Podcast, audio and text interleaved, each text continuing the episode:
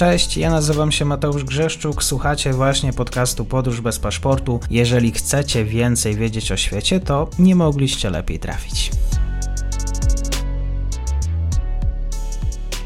Partnerem odcinka jest Oanda, TMS Brokers, dom maklerski obecny na rynku już od ponad 20 lat. W opisie odcinka znajdziecie link do aplikacji, w której możecie otworzyć konto maklerskie i grać na giełdzie, a wcześniej potrenować na koncie demonstracyjnym. Jeżeli otworzycie konto za pośrednictwem tego linku, dostaniecie na start książkę o tematyce inwestycyjnej. Zapraszam, Mateusz. Dzień dobry wszystkim słuchaczom. Ze mną jest dzisiaj Paweł Berend z Instytutu Bojma. Będziemy rozmawiać o Japonii. Dzień dobry, bardzo mi miło. Dzień dobry. Japonia będzie wspierać Sojusz Północnoatlantycki na Indo-Pacyfiku. Takie spotkanie pomiędzy właśnie NATO a Japonią, konflikt na wschodzie, rosyjska agresja uświadomiła wielu decydentom, że warto inwestować w system bezpieczeństwa. Jens Stoltenberg spotkał się z japońskimi partnerami. No i czego dotyczyło właściwie to spotkanie?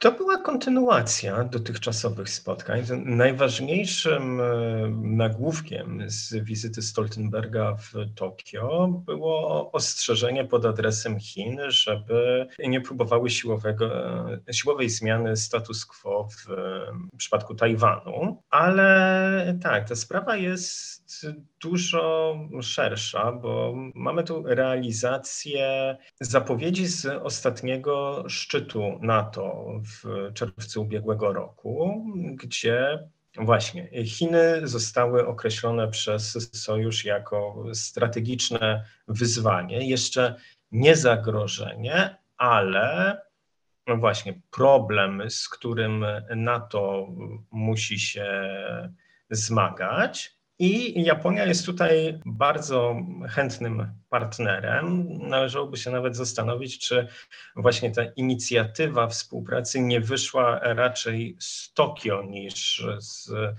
strony sojuszu. Tutaj o czym e, trzeba wspomnieć? No, Japonia już od 2012 roku, kiedy premier Shinzo Abe powrócił do władzy, zaczęła szukać zbliżenia z e, Europą, innych partnerów w dziedzinie bezpieczeństwa niż Stany Zjednoczone. Efektem była seria cała seria umów o współpracy technologicznej z Wielką Brytanią, Francją i Niemcami.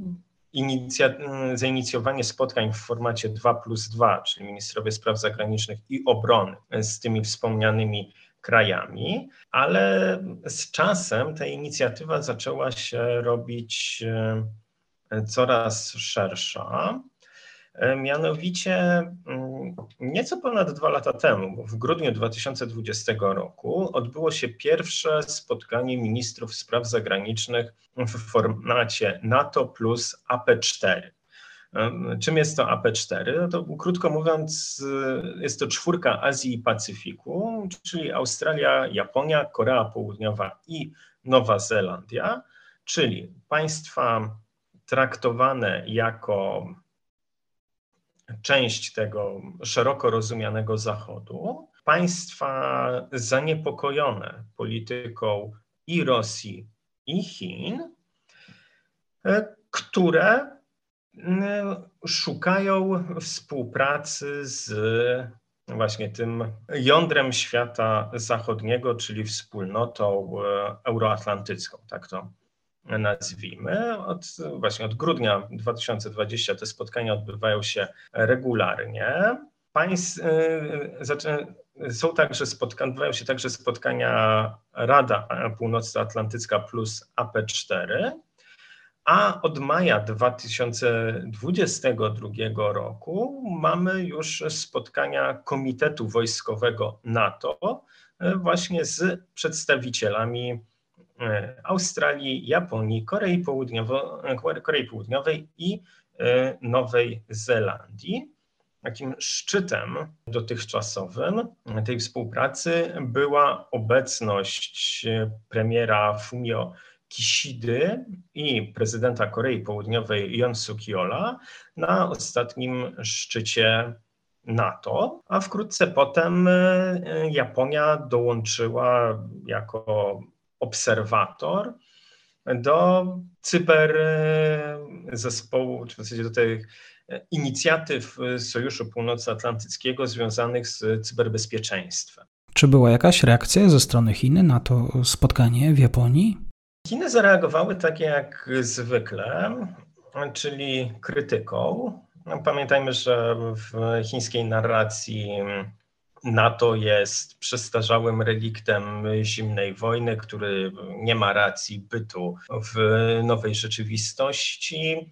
Japonia też powinna porzucić zimnowojenną mentalność. No a oprócz tego Pekin znowu włączył e, nagranie z groźbą powstania azjatyckiego NATO, co jest raczej projekcją lęków chińskich decydentów niż realną e, perspektywą. No, czymś takim właśnie azjatyckim NATO miał być Quad. Nie jest, bo tak naprawdę żaden z uczestników e, nie jest czymś takim zainteresowany. Nie ma też innych ruchów w, te, w tą stronę. No, Amerykanie reorganizują swoją architekturę mm, sojuszy w regionie, ale nadal to nie idzie w stronę paktu regionalnego jak właśnie jak NATO, e, raczej na zacieśnianiu mm, współpracy i pewnej reorganizacji systemu piasty i szprych. A dalej, no właśnie, no, Amerykanie raz próbowali stworzyć taki lokalny odpowiednik NATO, było CEATO, czyli Pakt Azji Południowo-Wschodniej w latach 50. i 70., no, który krótko mówiąc okazał się kompletnym niewypałem. I to już no, ostatecznie, no, w polityce nigdy nie mówmy ostatecznie, ale jak do tej pory e, przekonało Waszyngton, że tworzenie jakichś bardziej ustrukturyzowanych form e, w regionie po prostu nie ma sensu. Waszyngton z tym się pogodził i tak też prowadzi swoją politykę. E, Japonia, właśnie jak już e, wspomniałem, szuka nowych partnerów. To przez ostatnie lata była próba ściągnięcia państw europejskich w regionie Indo-Pacyfiku, większego zainteresowania ich chińską ekspansją i kwestią Korei Północnej, no tego też nigdy nie powinniśmy tracić e, z widoku.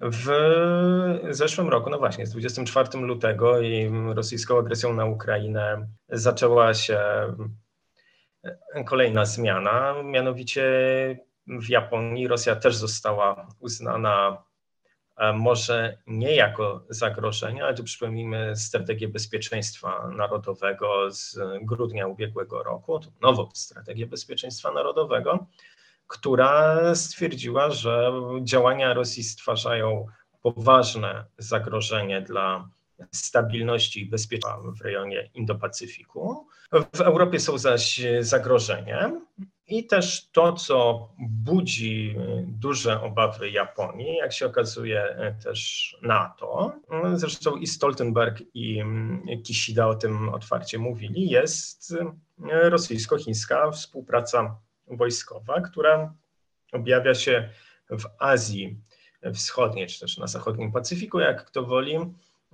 wspólnymi patrolami bombowców dalekiego zasięgu i ćwiczeniami no, marynarek wojennych.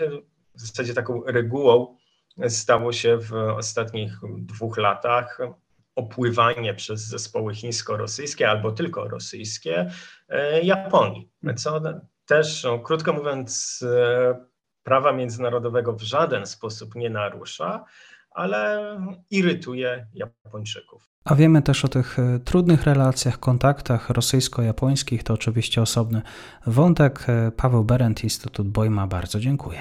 Dziękuję również. I to już koniec na dzisiaj. Zapraszam na profil podcastu Podróż bez paszportu na Facebooku, Instagramie i Twitterze. Zachęcam też do wsparcia mojej pracy na serwisie Patronite oraz Buy Coffee. Do usłyszenia.